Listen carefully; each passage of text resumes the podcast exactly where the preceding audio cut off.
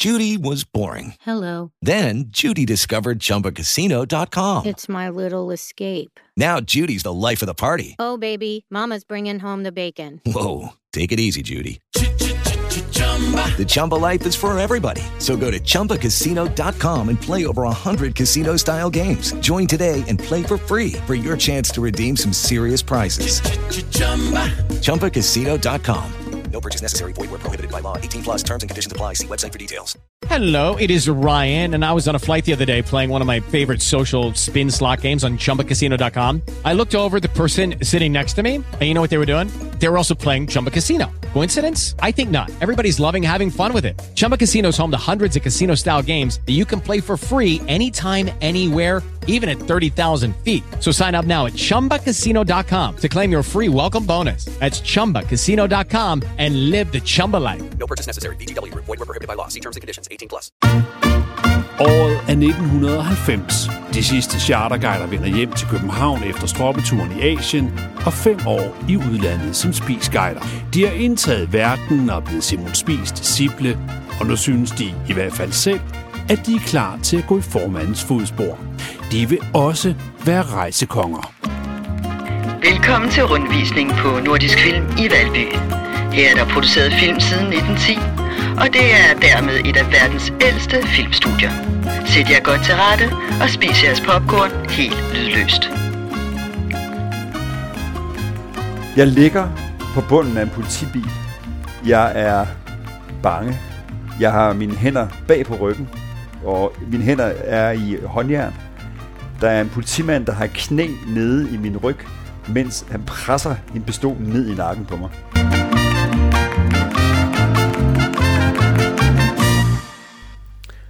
Jeg er på vej i min 2CV ud til, øh, ud til Nordisk Film. Jeg skal være opvarmer på lykkehjulet. Det legendariske nordisk film i Valby, der ligger der siden 1910. Og det legendariske lykkehjul, Bur, Ben Bur, der simpelthen på allerede på det tidspunkt i overvis havde lavet lykkehjulet hver evig eneste dag, hvor, hvor hvad hed hun, nummer Karina? Ja, nummer Karina. Hun, hun Ja. ja. vendte, vendte bogstaver. Ja. Og for de, der ikke kender lykkehjul, så handler det helt grundlæggende om, og det er der, der er simpelthen mennesker, der ikke har set lykkehjul, selvom det kan være vanskeligt at forstå, eftersom det kørte i årtier. Så handler det om, at Ben Bur, han drejer lykkehjul, et kæmpestort lykkehjul, og der står en deltager foran, og så afhængig af, hvor øh, lykkehjulet øh, stopper, så det, det tal vender øh, Katarina, en øh, smuk pige, om, og så skal man samle nogle point sammen, og så kan man shoppe, øh, hvis man er heldig at vinde. Og når det lander på et tal, så, siger, så er der sådan en lyd, der siger, ja, uh, klap, klap, klap, og hvis det er, at den, øh, man for lidt, så siger øh, og siger folk, uh. Og det var, dit, det var, det var din Ja, opgave. for, og det vidste jeg jo ikke. Altså, det, når, man ikke når man ikke er klar over det, så tror man jo bare, at, at sådan noget det bare sker, men det er jo nøje orkestreret. Og du bliver jo en af de mennesker, som ingen nogensinde har glemt. Du bliver, udover Ben Bur, er du måske en af de mest kendte mennesker, som har været på lykkehjulet. Ja, og det er ikke ligefrem noget, jeg er stolt af. Altså, fordi det, det helt grundlæggende går ud på, det er at instruere mennesker i, øh, de her gæster, alle tilskuerne, mm. hvornår de skal klappe, mm. hvornår de skal sige uh, hvornår de skal sige ja, Hvornår de skal grine. Ja, alt. Og for at de er veloplagte, så, skulle, så, så var det jo ofte stand-up-komikere, som, mm. var, som var opvarmere. Mm. Fordi inden Ben Bur går på scenen, så skal publikum være rigtig glade. Så, så arbejdet var, handlede om at, at, at få alle de her mennesker til at grine, og lære dem at klappe, og lære dem at juble. Og det er, det er nok de færreste, der i virkeligheden er klar over, at det foregår foran, altså før alle sådan nogle shows med live publikum, hvor publikum skal agere på en eller anden bestemt måde. Og den bedste, der var i branchen på det tidspunkt, han hed André. André, Og, ham og havde jeg lært af. Det var ham, du havde ja. været føl hos. Ja. Og han havde det helt, helt spektakulært ting, han brugte hver eneste gang, ja, som folk til at dø og grine. den største succes overhovedet. Fordi jeg havde selvfølgelig mit, meget, mit eget materiale, men så var der jo også nogle, nogle corporate som André viste. Og en vigtig del af opgaven, det var at instruere publikum i, hvad der kunne ske undervejs. Og blandt andet så fortalte André, at han altid havde et meget, meget, en meget, meget stærk joke. Yes. Fordi der var sådan en kamera direkte oppe over lykkehjulet. Så filmede lykkehjulet det drejede. Helt op fra loftet. Ja. Og så fortæller André så, at øh, han fortæller publikum, at på et tidspunkt, så kan det godt være, at det bliver meget, meget varmt deroppe, og så smider nogle gange, så smider så, øh, hvad hedder det, fotografen noget tøj øh, ned deroppe fra, så de skal ikke blive overrasket, hvis det sker. Og øh, det, der så i virkeligheden sker, det er, at øh, fotografen kaster en dametrusse ud, og det synes publikum er vanvittigt morsomt. Og det er så skægt. Det er så sket. så den, den overtager jeg selvfølgelig, fordi jeg bliver jo informeret om, der kommer altså på et tidspunkt en dametrus.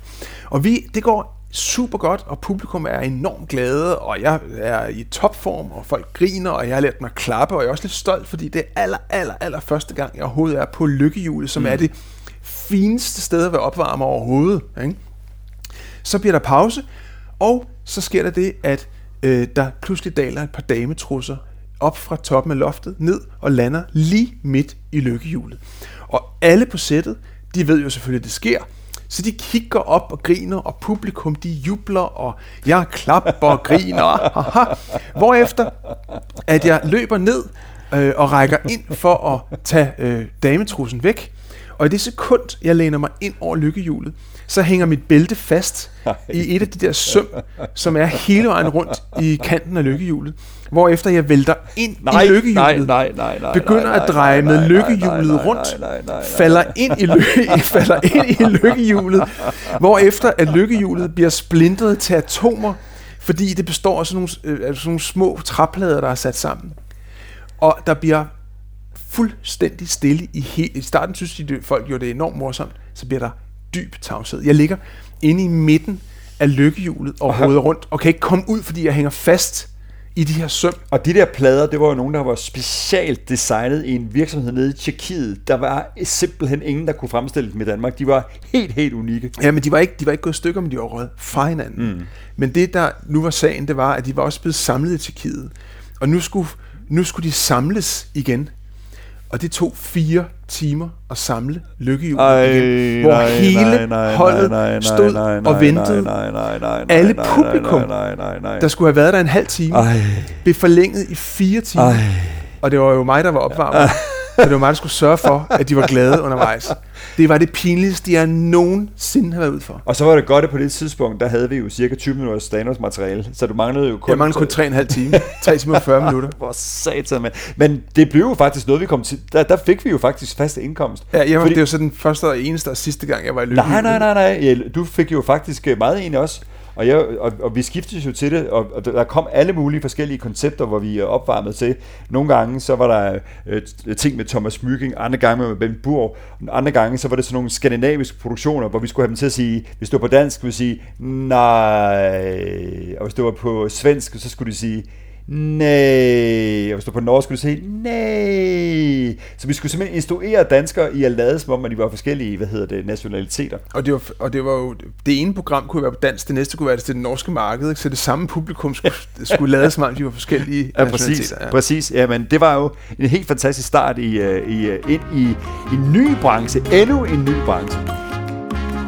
Hele Danmarks Radio havde haft monopol på tv siden 1948, så danskerne havde kun én tv-kanal i næsten 40 år.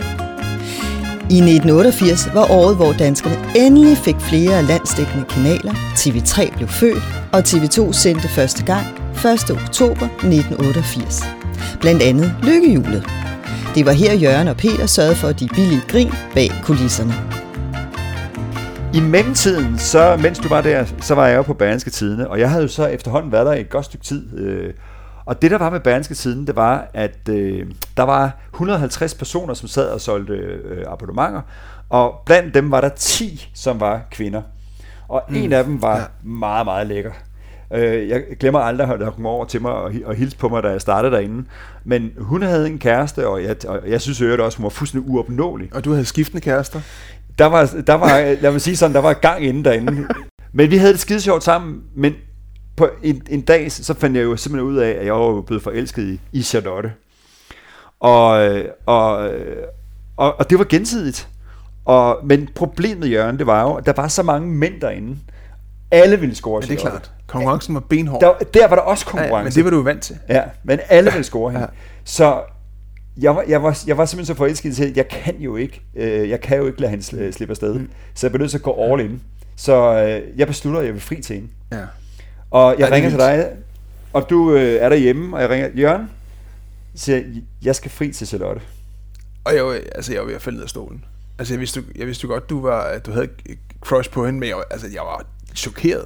Vi havde kendt hinanden i øh, ganske, ganske kort tid. Ja. Vi har jo arbejdet sammen, men seriøst har vi været kærester i, i ganske, ganske, ganske få øh, uger.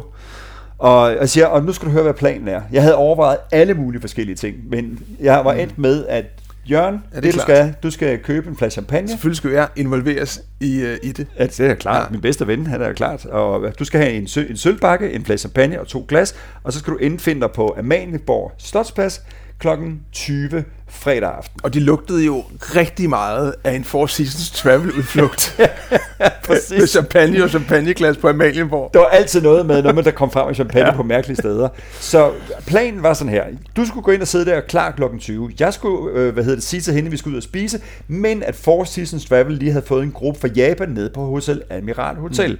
Jeg kommer til Admiral Hotel. De er der selvfølgelig ikke anførselstegn, men de er gået hen på Amalienborg Slotsplads. Jeg kommer så frem, og det er helt mørkt.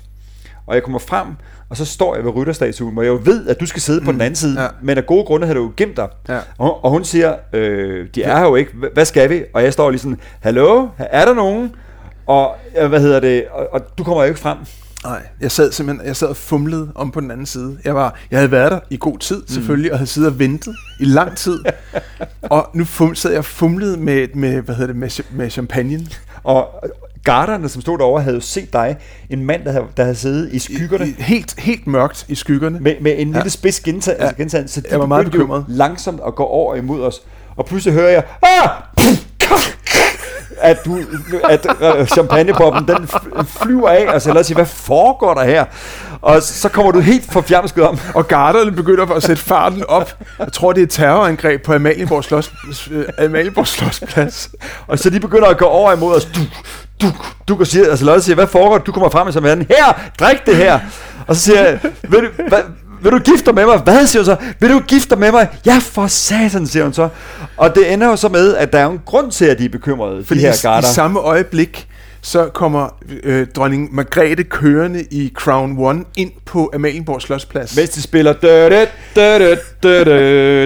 dødt, dødt, og vi løber ud af, efterfulgt af, af garderne. og bliver arresteret. Og dermed havde Charlotte sagt øh, øh, ja til mig. Fantastisk. Det endte godt. Der måtte satses hårdt fra Peters side for at få Charlotte. De var all in. Der var ikke rigtig nogen, der syntes, det var en god idé med det bryllup, ud over Peter og Charlotte. Men et eller andet må have været rigtigt. 30 år efter er de stadig gift. Ja, det var, det, synes, det var en vild tid. Altså, og det var, det var en vild tid, fordi du skulle, altså, lige pludselig skulle du giftes fra det ene øjeblik til det andet. Nu har vi jo været, nu har vi været sammen med bare dig og mig i så mange år. Ja, ja, ja. Så det var, det var, det var, et stort, øh, det var en stor ting. Og, øh, og jeg gik samtidig og havde, havde det lidt loren med det der stand-up. Altså nu havde jeg, på det her tidspunkt havde jeg været komiker i, øh, i to-tre år.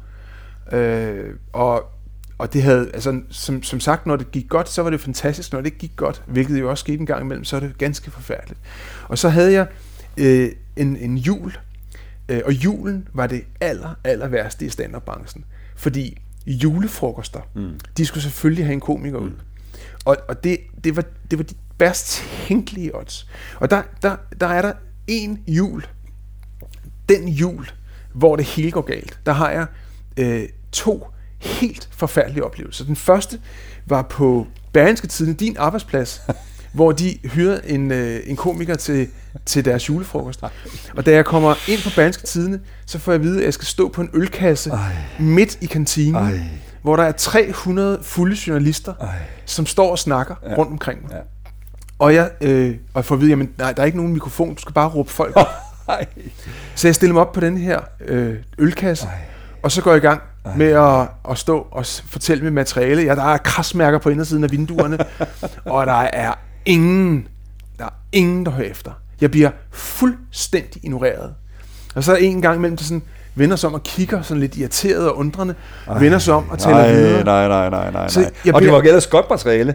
Din tur med ski, altså skiguide, skibus-materialet, hvor man kører hjem med bussen, der nægter at stoppe faktisk i København, det var en af dine blockbusters. Det var jo ligesom der, hvor du væltede publikum Men normalt. der var ingen, der hørte det. Det ja. var en frygtelig død. Så jeg kunne bare, jeg var totalt ydmyg, kunne jeg bare træde ned for den der papkasse, eller på, øh, øh, hvad hedder det, ølkasse efter 10 minutter og bare opgive. Og det, og det var bare, åh, den, den sidder bare, den slår hårdt sådan. Var det der, du simpelthen fik knækket, eller det, det, sidste, det sidste stik, der gjorde, at du orker det simpelthen ikke mere? Ja, men så, så lige altså ugen efter, hvor det her, den her oplevelse stadigvæk sad i mig, Ja. så skal jeg ud til den næste julefrokost. Ja, helt motiveret. Jeg er super motiveret. Men her, der var jeg håb om total recovery, fordi det var en single night mm. øh, på La Fontaine, hvor der var øh, privat fest, single night, 80 singler. Øh, så hende, der bookede mig, sagde, mm. det skal bare være saftigt. Mm. Og jeg havde jo saftigt materiale. Det må man sige. Ikke? Altså, vi Ja, havde det jo man sige. vi havde jo materialer til forskellige publikum. Ja, præcis. Sådan lidt mere sobre, og det Ja, mere ja, saftige. præcis. Ja. Og, og, og de fleste tror jo, at... Jeg har det- jo så mange blodår på min pik, at det ligner et krakkort, hvilket gør det gør det nemt for mig at finde rundt på Nørrebro. altså, det, det, kan, det kan ikke blive... Altså, og specielt i starten var materialet enormt vulgært. Ja. Ja. Altså, det var den nemme... Det var en nem måde at få grinet på. Ja, ja. ja. Og, og, og mange tror jo, at, at, øh, at stand-up er sådan noget, der bare bliver improviseret, men det er faktisk ret godt forberedt. Mm. Så vil sige, der er et sæt, som er forberedt mm. hjemmefra. Ja. Og specielt, når man ikke var, altså, var vanvittigt erfaren, og vi havde måske et par job om ugen, mm. når det gik Ja, ja. rigtig højt. Ikke? Jo. Så det var begrænset, hvor erfarne man kunne blive. Så der, ja. der holdt man sådan så til, til det sæt og det materiale, man havde. Ja. Og så kommer jeg ind der og bliver sat ind i et baglokale, får lidt mad, og får at vide, at øh, der går lige en halv time, og øh, de er klar derinde. En halv time efter. Nu, nu er vi på La Fontaine. Vi er på La Fontaine, Ja. ja. I jule, lige i juletiden. Ja. Og jeg siger, men bare ikke for sent. Nej. Altså, jeg vil gerne ind, inden Nej, de folk, bliver for folk vil fulde. altid gerne have, at det var så sent. Ja, og, det, og hvis folk er først er efter middagen, så er de for fulde. Ja. Så, så det er umuligt, så siger jeg, bare ikke for sent. Lad mig komme i gang så hurtigt som muligt. Ja. Så de, okay, øh, du kan gå på nu. Jeg går ind, det viser sig for det første, at i samme sekund, jeg træder ind, bliver, der bliver hovedretten serveret. Så det vil sige, at samtlige mennesker i hele rummet tager fat i kniv og gaffel og går i gang med at spise. Ej. For det andet, så viser det sig, at det er godt nok single party, men det er singler på 80 plus. Så der findes ikke et menneske i lokalet, der er under 80 år gammel. Og jeg, jeg, jeg bliver helt perpleks over det her med, at folk går i gang med maden, og jeg bliver chokeret over, at jeg troede, de var 18 år. Ja, ja, ja. Og jeg begynder at tale om fisse. Ej. Og der sidder... De vidste ikke engang, hvad det var. De vidste ikke, de havde glemt, hvad det var. og, Du tale om tænderbind. og, og der sidder de her øh, ældre, meget, meget ældre mennesker ja. og spiser hovedret ja. på La Fontaine. Ja. Og jeg dør igen. Ej. Så frygteligt. Ja. Og da jeg tog hjem, så tænkte jeg, det her, det vil jeg simpelthen ikke udsætte mig selv for. Nej. Og der kan jeg jo så sige, at det var jo rigtig skam, at du fik de der to jobs, fordi du var jo faktisk en af de absolut sjoveste komikere. Ja, ja, det er meget Øh, muligt. Hvis øh, jeg havde været sjov nok, så havde jeg jo klaret det. Nej, jeg tror, det var noget med, at man kan sige, at kunne øh, holde ydmygelser ud. Der var jeg altså bedre ja. Til at kunne holde øh, utrolig mange ydmygelser ud igennem hele mit liv, og stadigvæk, øh, øh, hvad hedder det, forrejse mig igen. Altså, jeg, jeg, jeg havde jo så det, der gjorde, at jeg faktisk fik mod på, øh, hvad hedder det, på stand-up, og fortsatte i rigtig, rigtig, rigtig mange år. Og det, øh, det var, at jeg havde fået et job, hvor jeg skulle optræde til en reklameprisuddeling, og få at vide, det kan ikke lade sig gøre. Men fordi at vi havde været øh, publikumsopvarmer, så brugte jeg det aller, aller simpleste trick. Og det er, Det med at, øh, trussen, der kommer op fra loftet. trussen og i lykkehjul. Nej, det var, at, øh, at man, når man stod inde i lykkehjulet, så sagde man altid, prøv en gang, prøv at forestille dig lige om lidt, at jeg er Ben Bur, der kommer ind, og så går fuldstændig amok, og så, og så klapper I. Lad os lige prøve at øve det en gang. Og det startede jeg så med at sige, okay, nu skal I høre, jeg har fået at vide, at I reklamefolk, I kan jo ikke klappe. I vil jo ikke grine. Og lysmanden derovre, han har, han har ligesom sagt, det kommer ikke til at lykkes det her. Så når jeg nu lige kommer ind om et øjeblik, skal vi så ikke bevise over for lysmanden, at reklamefolk ikke er selvfede, at de rent faktisk kan klappe. Og så kom jeg ind, og så klappede de og legede, det var sjovt, og det, det lykkedes så at få reklamefolk Det var nok til, grine. det simpelthen... Øh, Det var det, der, der, der skulle til. Og, og det gjorde så, at jeg faktisk, øh, jeg faktisk fik modet på at fortsætte og fortsætte i, i 10 år til. Men lige efter det her, du har ligesom skaffet kontakten til Nordisk Film, og jeg sidder så derhjemme, og pludselig ringer telefonen og siger, det er fra Danmarks Radio. Jeg tænker, det er simpelthen løgn, nu eksploderer Ja, det det er det eneste, der var finere end nordisk film. Ja, det var helt vanvittigt. Jeg siger, nu skal du høre, vi skal til at lave et stort koncept, der hedder Husk lige tandbørsten. Husk i tandbørsten blev sendt i DR i 1995 og for den store fredagssucces Elevatoren. Det var en af de første gange, at DR købte et tv-format fra udlandet. Konceptet var udviklet af den store engelske tv-vært Chris Evans. Og på DR fik den 1,2 millioner seere og knuste elevatoren.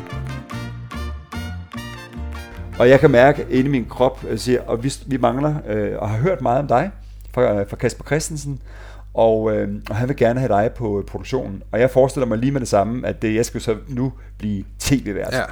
Det er Så- store, det store gennembrud, alle håbede på. Alle ja. håbede på. Og øh, derfor vil vi gerne have, at du skal være opvarmer for Kasper. og der blev jeg simpelthen så skuffet. Jeg var sige, ah, men jeg havde, jeg havde måske ikke lige forestillet mig det. Øh, så hvad hedder det? Øh, så nej tak. Og så sker der jo det, at øh, Kasper øh, laver Hus i tandbørsten. Og det gør jo, at fra at stand-up var et lille bitte mm, københavner-fænomen, så tror alle folk, at Hus i tandbørsten, det er lige med stand-up comedy, og så eksploderer det, og er aldrig nogensinde stoppet øh, siden. Ja, det er ret. Det var et vildt afsæt, det fik. Lige der, hvor jeg stoppede. Det er noget om timing nogle det er gange. noget med timing. Men Peter, det at jeg stoppede med, med stand-up, det gjorde jo i virkeligheden, at jeg, så- jeg kunne faktisk begynde at koncentrere os lidt om vores kernevirksomhed. ikke? Præcis. Vores lille rejsebureau, som jo i virkeligheden kørte hele vejen. Mm. Altså, det var der stadigvæk. Mm. Vi havde ikke rigtig tid til at bruge så meget krudt på det. Nej, men så havde vi stadig været om dagen. Så havde vi stadig være og, ki- og spise pizza. Og vi havde også lavet vores egen lille stand-up øh, bureau. Vi bookede faktisk øh, stand-up-komikere. Øh, mest os selv. Mm. Ja, præcis. øh, men det, så det kørte, altså vores kontor kørte, og vi havde jo stadig vores solarie. Og så en dag, så får vi et meget, meget ubehageligt brev. Vi får et brev fra en advokat, øh, og det er ikke en hvilken som helst advokat, det er advokaten fra Four Seasons Hotels i USA. Det er altså ikke godt.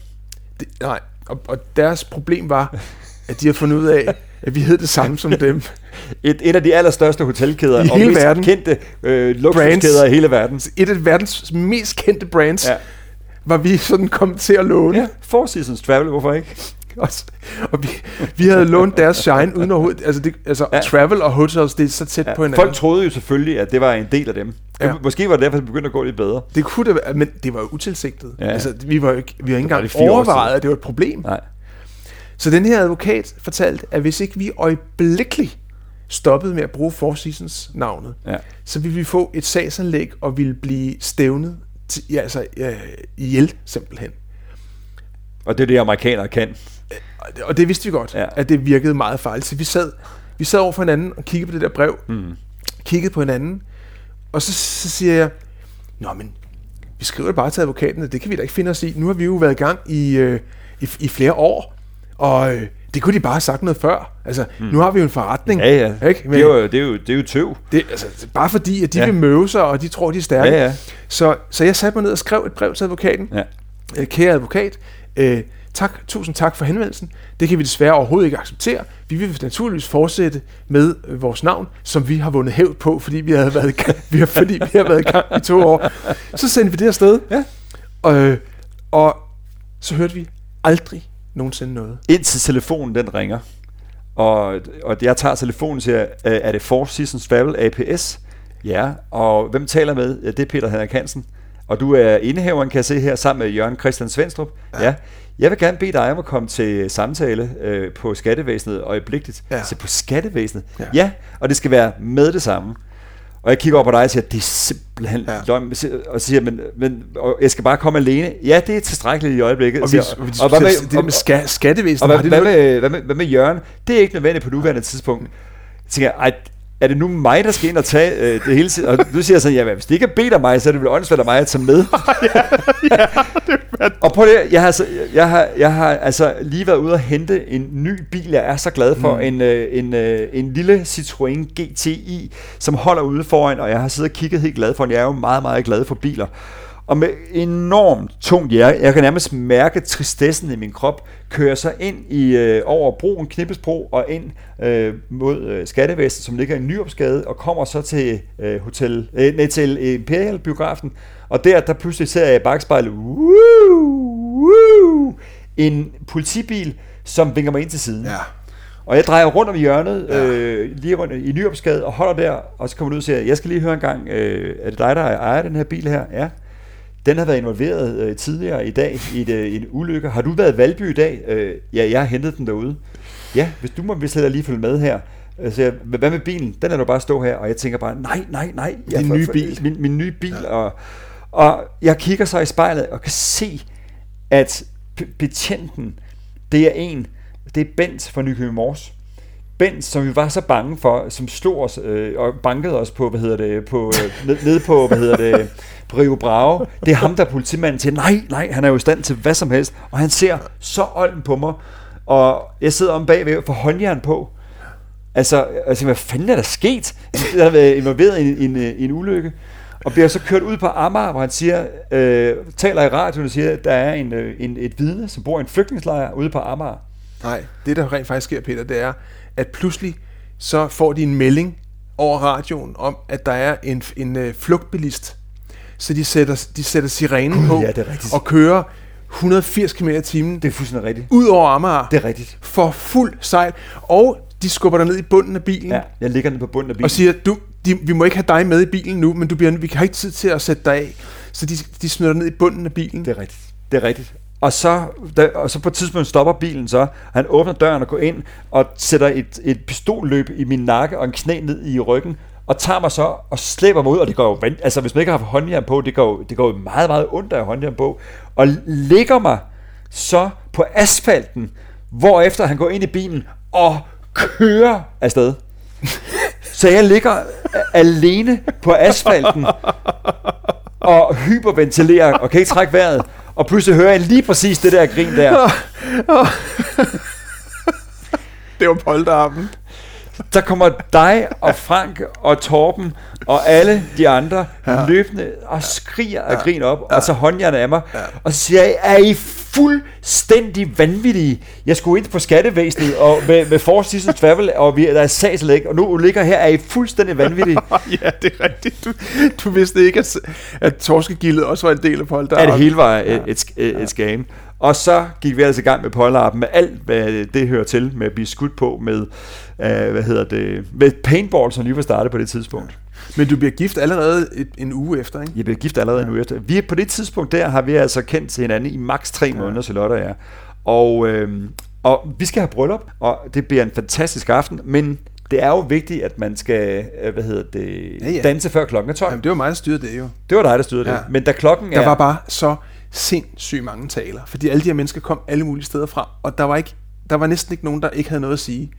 Så talerne fortsatte i en uendelighed, og jeg kæmpede som en gal for at få det her program Fordi til det er jo ikke fedt at være toastmaster. Det, er, det kan godt være sjovt at være toastmaster, bortset fra, når der er for mange taler, og klokken nærmer sig 12. Og specielt fordi jeg jo havde planlagt et lille ekstra nummer. Ja, fordi man skal jo danse inden klokken er 12, ja. er det bad luck. Ja. Så da klokken er kvarter i 12, hiver du mig ud, tager tøjet af mig, I klæder mig i baskørt, Ja. og kommer ind nøgen foran øh, alle mine gæster, ja. og så skulle vi lave Deo! Banana Boat. Og så Deo! Ja, legendarisk nummer fra Spis Cabaret. Så det hele blev samlet den aften. Og da klokken er 1 minut i 12, der skal Charlotte og jeg så danse øh, brudvals, og min farmor, som var gammel pianist, hun har selvfølgelig øvet sig på brudvalsen. Men da vi starter og skal til at danse, så spiller hun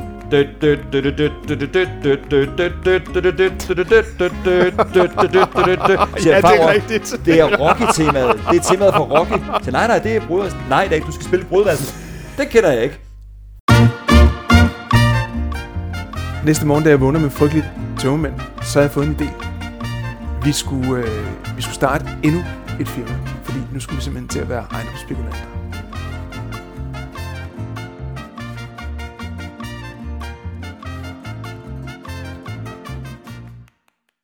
Popcorn Podcast.